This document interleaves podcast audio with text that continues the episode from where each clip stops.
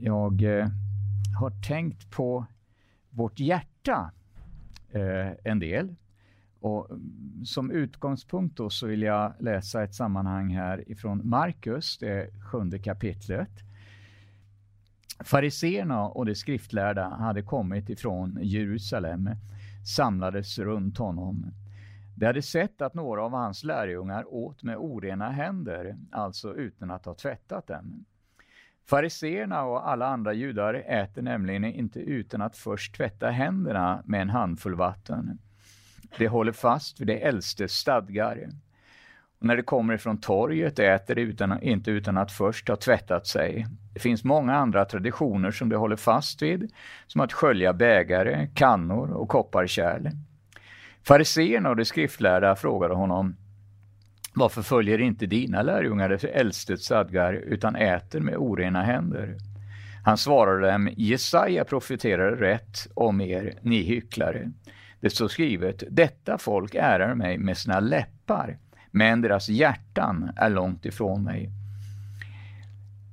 Deras vördnad för mig är meningslös, för de lär ut människobud. Ni överger Guds bud och håller er till människors stadgar. Han sa också till dem, ni upphäver skickligt Guds bud för att upprätthålla era egna stadgar. Moses har sagt, hedra din far och din mor, och den som förkunnar, förbannar sin far eller sin mor ska straffas med döden. Men ni påstår och säger, att, eh, och, och, säger till sin far eller mor, det du kunde fått som hjälp av mig låter jag istället bli till korban, alltså en tempelgåva. Då tillåter ni inte längre att han gör något för sin far eller mor. Ni upphäver Guds ord genom era egna stadgar som ni för vidare. Ni gör många andra liknande saker. Jesus kallade till sig folket igen och sade Lyssna på mig allihop och förstå. Inget som går in i människan utifrån kan göra henne oren. Det är det som kommer ut ur en människa som gör henne oren. När han hade lämnat folket och kommit inomhus frågade hans lärjungar honom om liknelsen. Han svarade dem. Så ni förstår inte heller, inser ni inte att inget som går in i en människa utifrån kan göra henne oren? Eftersom det inte går in i hennes hjärta utan ner i magen och ut på avträdet. Därmed förklarade han all mat ren. Och han fortsatte, eh, och det som kommer ut ur en människa gör henne oren. Inifrån människans hjärta kommer onda tankar, eh, sexuell omoral, stöld, mord, äktenskapsbrott, girighet, ondska, svek, orger, avund, hädelse, högmod och dårskap. Allt detta kommer inifrån och gör människan oren. Amen. Tack Jesus att du ska välsigna det här ordet på eh, ett sådant sätt så att eh, det blir till hjälp och vägledning och till eh, både korrigering kanske och, och uppmuntran för oss. Eh, tack att du alltid talar till oss och att eh, du vill också låta den helige Ande komma till i våra liv så att eh, det blir till mat för vår invärtes människa, Herre. Tack Jesus att du ska låta det här mötet leda till att vi kommer vidare, Herre, och får uppleva dig på ett starkare sätt i våra liv. I Jesu namn. Amen. Amen. Eh, I det här sammanhanget så är det som att eh, Jesus eh, demaskerar fariséerna som hade anammat så mycket utav eh, förklädnad eh, för att utåt sett verka gudfruktiga och, och fina. Men eh, på insidan så var det helt dött. Jesus säger vid ett annat tillfälle att de var fulla utav det dödas ben. Eh, en av de saker de eh, använde sig av för att eh, liksom förkläda sig, det var olika typer utav traditioner. Eh, att tvätta händerna, ja det kan ju vara bra ur eh, hygienisk synpunkt innan man ska äta mat. Men eh, det var faktiskt ingenting som var fastställt i, i Mose lag. Utan eh, det här var som det står i en annan översättning, fädernas traditioner. Och nu kan det ju kanske vara lätt för oss att eh, se ner på dessa fariseer och, och, och, tycka att eh, det var ena riktigt eh, falska typer som eh, hade så mycket utav yttre religiositet men så lite utav liv på insidan. Men eh, jag skulle vilja säga att det är lätt också för oss eh, att eh, lägga oss till med olika vanor och eh, mönster och eh, beteenden som eh, ibland nästan kan bli en ersättning för det inre livet. Eh, bara som eh, ett litet exempel så finns det idag en del församlingar som lutar åt eh, judiska hållet. Eh, om man lägger sig till med lite judiska beteenden och byter ut en del ord så här som han säger Shalom istället för frid och Jeshua istället för Jesus. Och det är absolut helt okej. Okay. Men när detta upphöjs till någonting som alla måste göra för att bli liksom godkända så blir det helt fel. Jag hörde om en församling där man nu hade bestämt att alla skulle säga Jeshua istället för Jesus. Men så förstod man ju det att folk kunde ju glömma bort sig och säga fel. Så man ville vara lite barmhärtig också. Så att eh, då bestämde man att man kunde säga fel fyra gånger. Men sa man fel den femte gången, då blev man utesluten ur församlingen. Ja.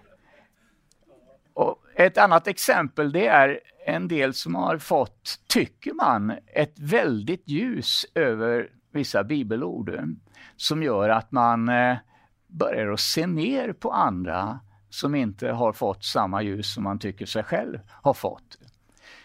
Jag kan ta det här med när Jesus ska komma i förhållande till vedermödan och hämta församlingen.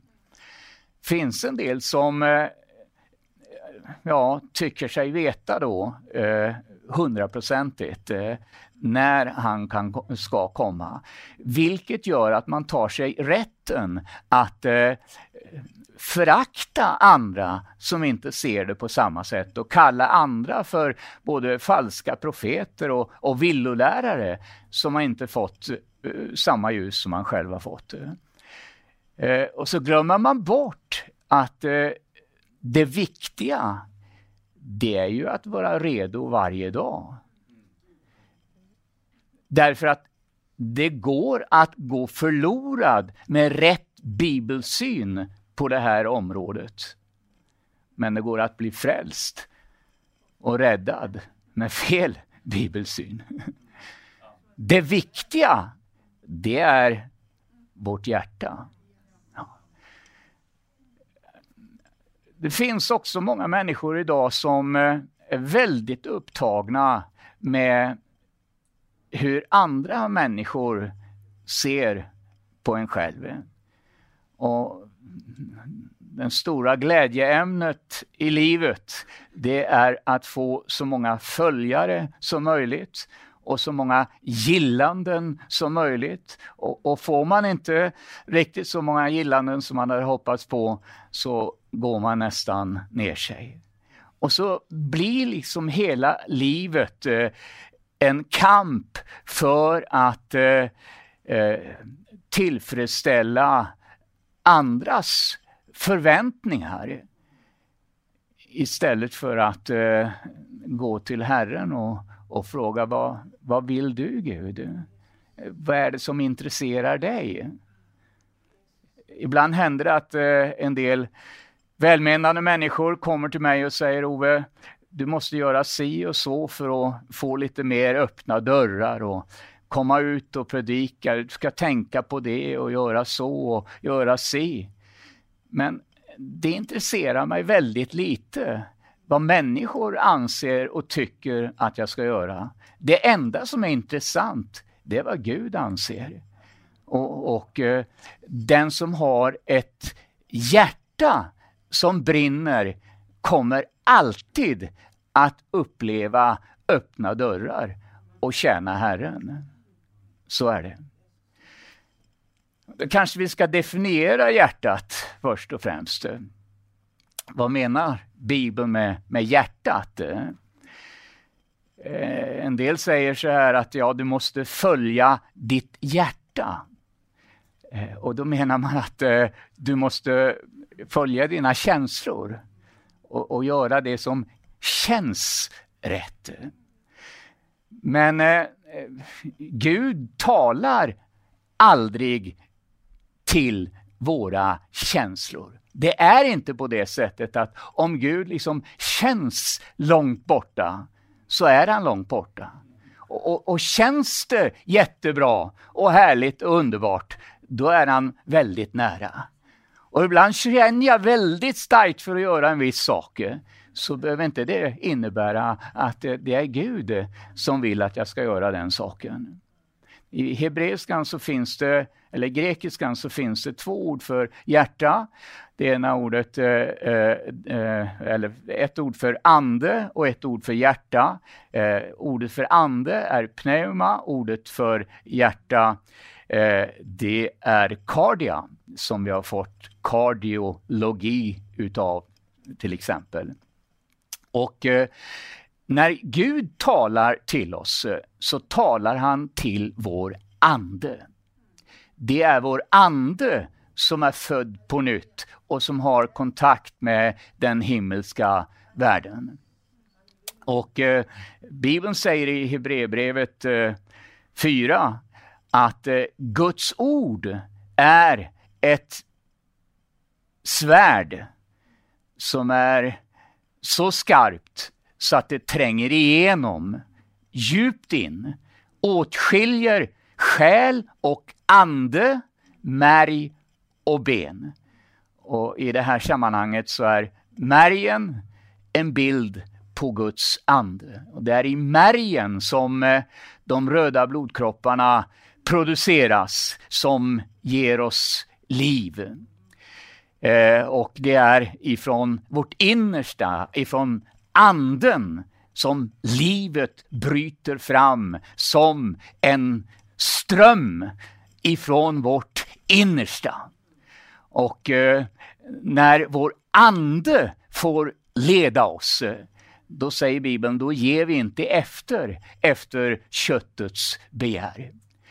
Eh, och eh, det står i, i, i första Petrus brev eh, eh 2 och 11, nu läser jag ifrån eh, nu-bibeln. Mina älskade, jag uppmanar er som främlingar och gäster att inte ge efter för det mänskliga begär som för krig emot ert inre.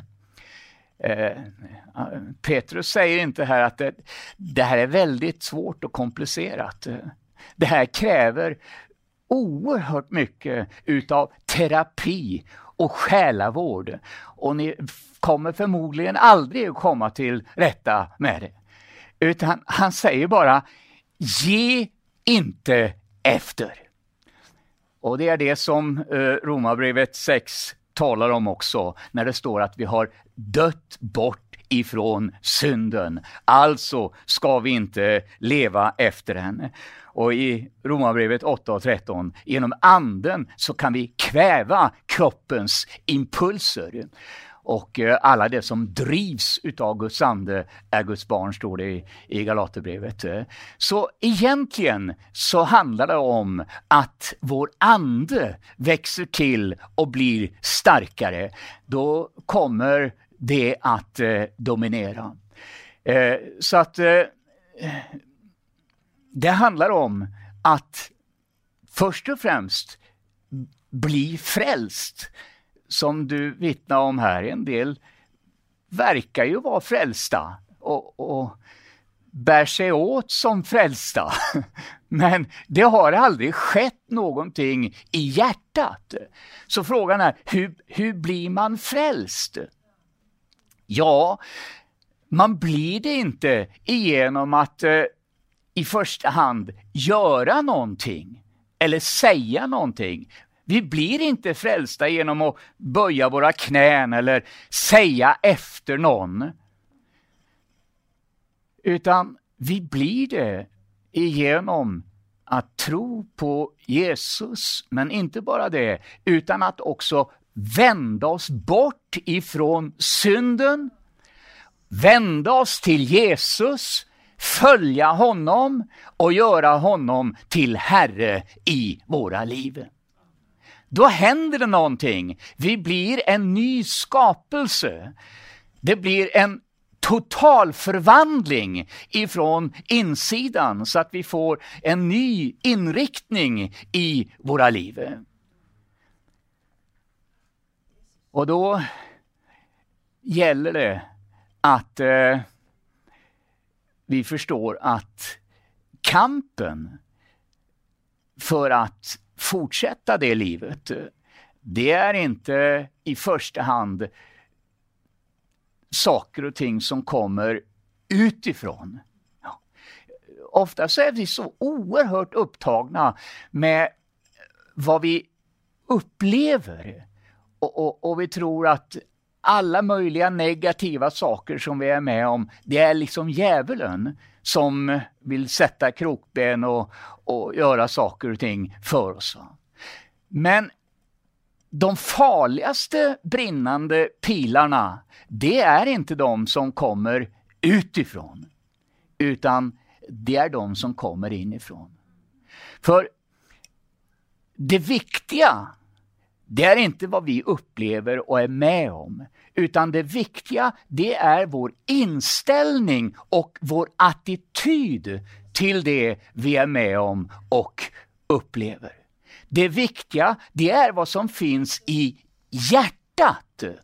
Ja. För det som finns i, i, i hjärtat, orena tankar, eh, felaktiga attityder, felaktiga förväntningar, mänskliga önskningar som vi har. Det är det som är den stora faran. Det som sker till det yttre, det är en konsekvens utav vad som finns i hjärtat. När synden blir uppenbarad i ord och handling, då är det någonting som har legat och grott och mognat i vårt hjärta. Och när synden är fullmogen, ja då framföder den död. Och därför så säger Bibeln, framför allt utav det som ska bevaras, så måste du bevara ditt hjärta. Ja. Eller som det står i, i en annan översättning i Ordspråksboken 4 och 23 tror jag det är. Att vaka över ditt innersta, för därifrån utgår livet. Så då är eh, den stora frågan, hur vakar vi bäst över vårt innersta? Hur bevarar vi vårt hjärta rent?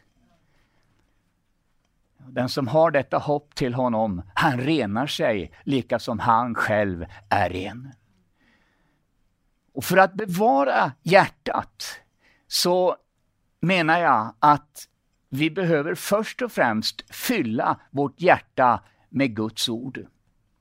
För när hjärtat är fyllt utav Guds ord, då finns det inte plats för så mycket andra saker. Eh, Bibeln säger att vi ska tänka på hans ord. Eh, David säger, jag tänker på ditt ord för att jag inte ska synda emot dig. Och den som tänker på hans ord både dag och natt, ja, han blir som ett träd planterat invid rinnande vatten. Om än ett torrt år kommer, om än det blir lite kamp och strid och jobbigt, så fortsätter det trädet ändå att bära sin frukt. Halleluja. Så fyll ditt inre med Guds ord. Det är punkt nummer ett. Eh, det andra, det är att eh, vi måste också bli fyllda med Guds ande. Eh, Efesierbrevet 5 säger att drick er inte druckna utav vin, utan låt er istället fyllas utav den helige Ande. Det vill säga det är en viljesak.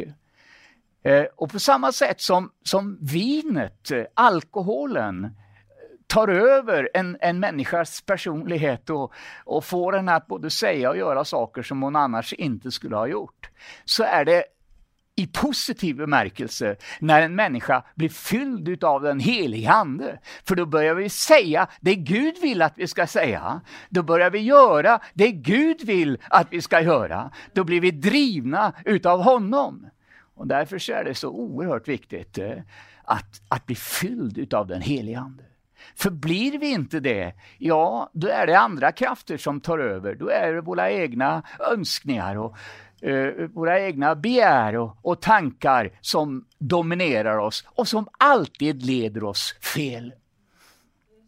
Jag hörde, jag läste en, en eh, ett experiment man hade gjort. Man stängt in en massa människor i ett stort rum som inte fick prata med varandra. Och skulle man se vad var det som hände eh, med dessa människor? Jo, det som hände var att till slut, utan att någon sa något, så började man gå runt, runt i en cirkel. Ja. Och så är det också när en människa mm, tappar orienteringen i en öken eller i en stor skog där man inte har någon något riktmärke. Till slut så går man i en cirkel bara och kommer tillbaka till samma punkt som man utgick ifrån. Och så är det när man inte har Guds ords riktmärke i sitt inre, då blir livet liksom en cirkel där man kommer tillbaka till samma synder om och om igen. Och, och, och, och synden liksom återvinns i en sån här uh, recycling, eh, vad ska man säga, eh, återvinningscentral. Eh, och, och så är tankarna i, i, i, samma banor hela tiden. Det står om, om Israel, att, eh, i Hesekiel, att Israel tänkte på sin ungdoms synder då hon var prostituerad i Egypten. Eh, och jag tänkte när jag läste det, det är otroligt. Trots att man upplevt så fantastiskt mycket utav Guds under ifrån första dagen när man gick ut ifrån Egypten, så var det inte det man tänkte på och prisade Herren för, utan det var de få ljusglimtarna i Egypten som liksom man påmindes om. Inte slavpiskan, inte tårarna, svetten, slitet i, i, i faraos eh, byggnationer. Utan eh, det var köttgrytorna, rödlöken, purjolöken. Det var det som man tänkte på. Och Fylls vi inte med Guds ande och Guds ord så är det dessa mänskliga tankar tankar på synd och, och de få glädjeämnen man kanske hade där ute i världen innan man mötte Jesus. Så fyll dig själv med Guds ord. Inte bara läs Guds ord, utan meditera över Guds ord. Tänk på Guds ord. Och när felaktiga tankar kommer, så Tänk på Guds ord istället och låt den heliga Ande påminna dig om Guds ord. Sen behöver vi också bli medvetna om Guds helighet. Eh, när Jesaja står inför Guds tron och eh, eh, han ser Gud eh, och, och, och, eh, och alla änglar och serafer och allt detta fantastiska, så är det en sak han blir medveten om och det är att han har orena läppar. Att han bor ibland ett folk med orena läppar. Och när vi blir medvetna om Guds helighet, då blir vi medvetna också om eh, vårt stora behov utav eh, rening och eh, utav Guds nåd. När, eh, när eh, Petrus och lärjungarna hade varit med om att Jesus stillat stormen på sjön och de kommit över på, på andra sidan, så står det att de greps av stor förskräckelse.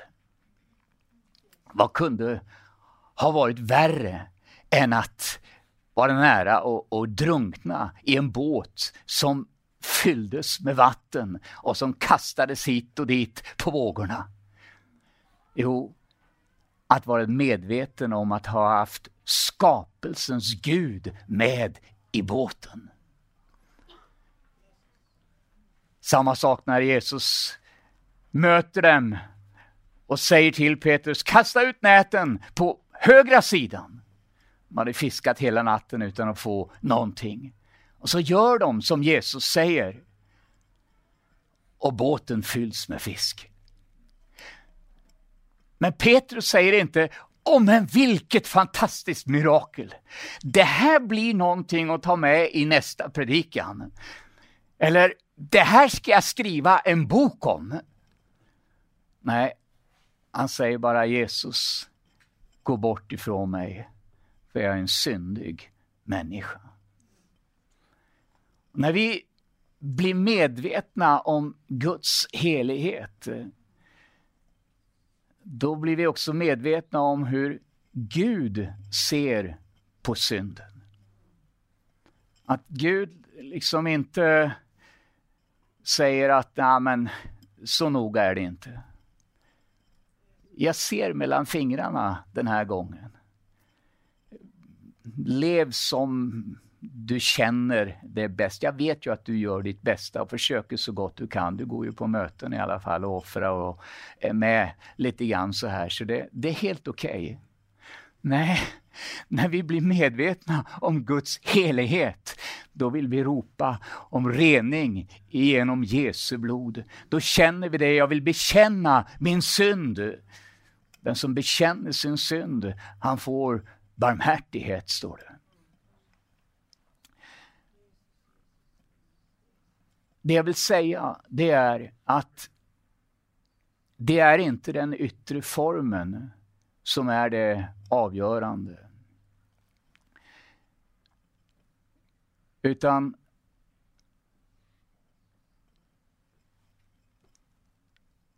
människan ser till det utvärtes, men Gud ser till hjärtat. Och Det är egentligen en kategori utav människor som får möta Gud. Och det är de människor som söker honom med ett hängivet hjärta. Det är det det handlar om. Vi kan göra så väldigt mycket och ibland så tror vi att vi ska göra så mycket för Gud också. Det var så fint det här ordet du läste. Vad ska vi göra för någonting? Ja, vi har egentligen ingenting att, att ge Gud. För det vi ger honom, det har han först gett oss. Ja, visst. Det enda vi kan ge honom, det är våra hjärtan. Det är därför Bibeln säger att du ska älska Herren i Gud av hela ditt hjärta, av all din kraft, av allt ditt förstånd det är att vara frälst. För då har vi gett honom vårt hjärtas kärlek. Det är inte, säger Jesus, det som går in i en människa som orenar henne, utan det som går ut ifrån hennes hjärta. Vad finns det i vårt hjärta? Vart är, vart är vårt hjärta någonstans? Ja, det ska vara där vår skatt är, i den himmelska världen. Det enda som betyder någonting, det är ju evigheten. Och att eh, vi får förmånen här i tiden att tjäna honom med det han har gett oss utav medel, utav hälsa och krafter och förmågor. Vi ger det till Herren därför att han har först gett det till oss.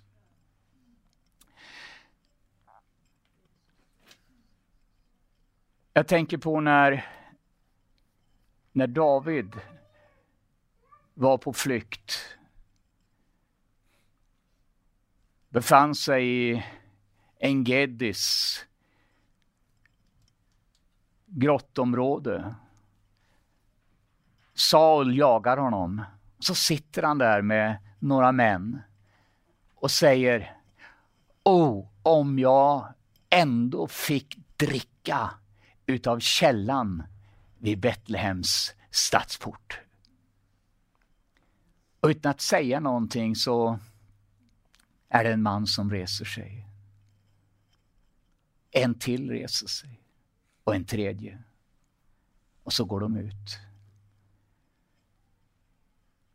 Går till Betlehem där Filistenas utpost hade slagit läger vid brunnen. Men det står att de bryter igenom Filistenas utpost, kommer tillbaka till David med vatten ur brunnen. Men David säger, skulle jag kunna dricka det vattnet som har kostat mina män så mycket, som med livet som insats har hämtat detta vatten. Som har kostat dem deras blod, säger han. Och så häller han ut vattnet som ett offer inför Herren. Den enda som fick någon glädje utav allt detta, det var Gud. Och det vi gör, det är inte för att glädja oss själva. Det är inte för att vi själva ska bli lite uppmuntrade och förnyade och, och, och få någonting. Ibland säger man, jag fick ingenting. Det, det var så torrt, jag fick ingenting. Men den som ska ha någonting, det är Gud. Halleluja. Och när vi kommer, då är det för att ge honom någonting. För det enda som betyder någonting, det är att han får något. Att han blir upphöjd, att han blir ärad. Halleluja. Tack Jesus. När Abraham möter kungarna och tar tillbaka bytet som eh, de hade tagit i Sodom tillsammans med Lot och en massa människor. Så möter han Sodoms kung som säger till honom Abraham, du kan behålla segerbytet, men ge mig bara folket. Men Abraham säger, jag ska inte ha så mycket som en skorem utav dig.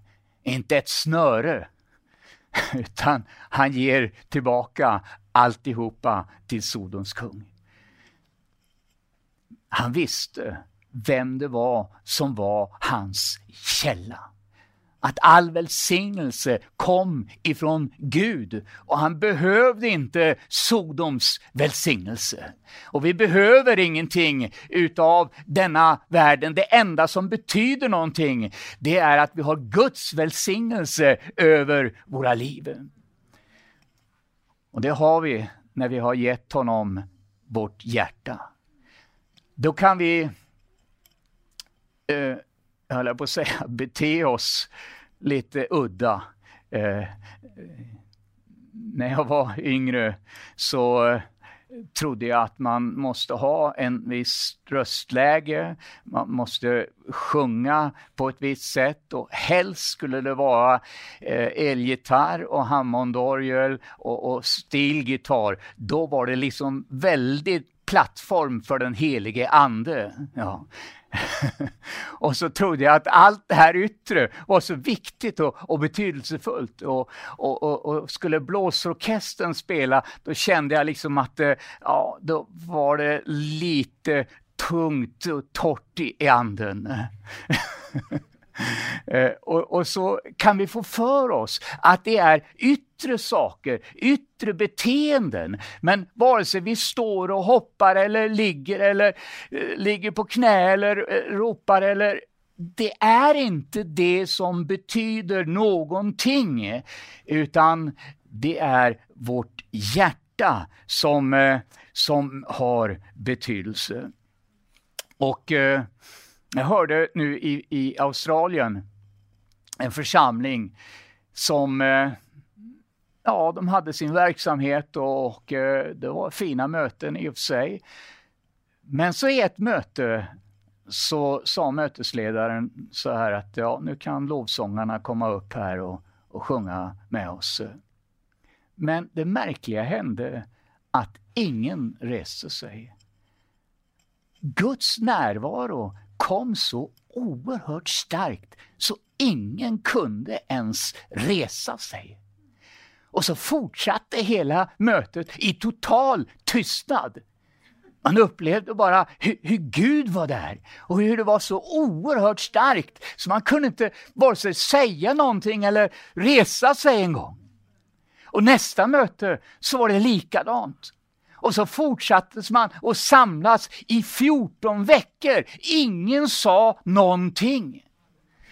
En del lämnade församlingen för de fattade ingenting. Andra som upplevde Gud i detta kom till.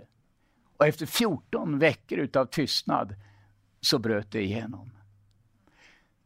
Det jag vill säga, det är att får Gud bara tag på våra hjärtan då spelar det yttre ingen som helst roll. Vi kan bli så upptagna utav former, hur det ser ut, hur det låter, hur det är. Och, Nej men så ska vi inte göra, så ska vi inte ha det. Och så glömmer vi bort det som verkligen betyder någonting. Vad är det som finns i våra hjärtan? Har vi hängivna, brinnande hjärtan? Var inte våra hjärtan brinnande, står det, när han talade till oss på vägen. Och det är det vi önskar, att våra hjärtan ska brinna för honom då löser sig allting annat på ett väldigt naturligt sätt. Då behöver vi inte oroa oss för någonting som det står i Filipperbrevet 4 och 6. Oroa er inte för någonting, utan be och vädja alltid till Gud och tacka honom och låt honom få veta vad ni behöver. Då ska Guds frid, som är djupare än vi någonsin kan förstå, skydda era hjärtan halleluja, och era tankar i Kristus Jesus. Då blir våra tankar förvandlade, kommer in på nya banor som det står om i, i Romarbrevet eh, 12 och 2. Anpassa er inte efter den världens sätt att tänka, utan ändra ert sätt att tänka så att ert sinne förnyas. Då ska ni förstå vad Gud vill, vad som är rätt, vad som gläder honom och vad som är fullkomligt. Halleluja. Då börjar vi tänka i rätta banor. Men det måste börja på rätt ställe, i rätt ordning. Och det börjar alltid med hjärtat. Är hjärtat rätt, då kommer allting annat så småningom också att eh, falla på rätt plats. Halleluja, i Jesu namn. Amen. Jesus, jag tackar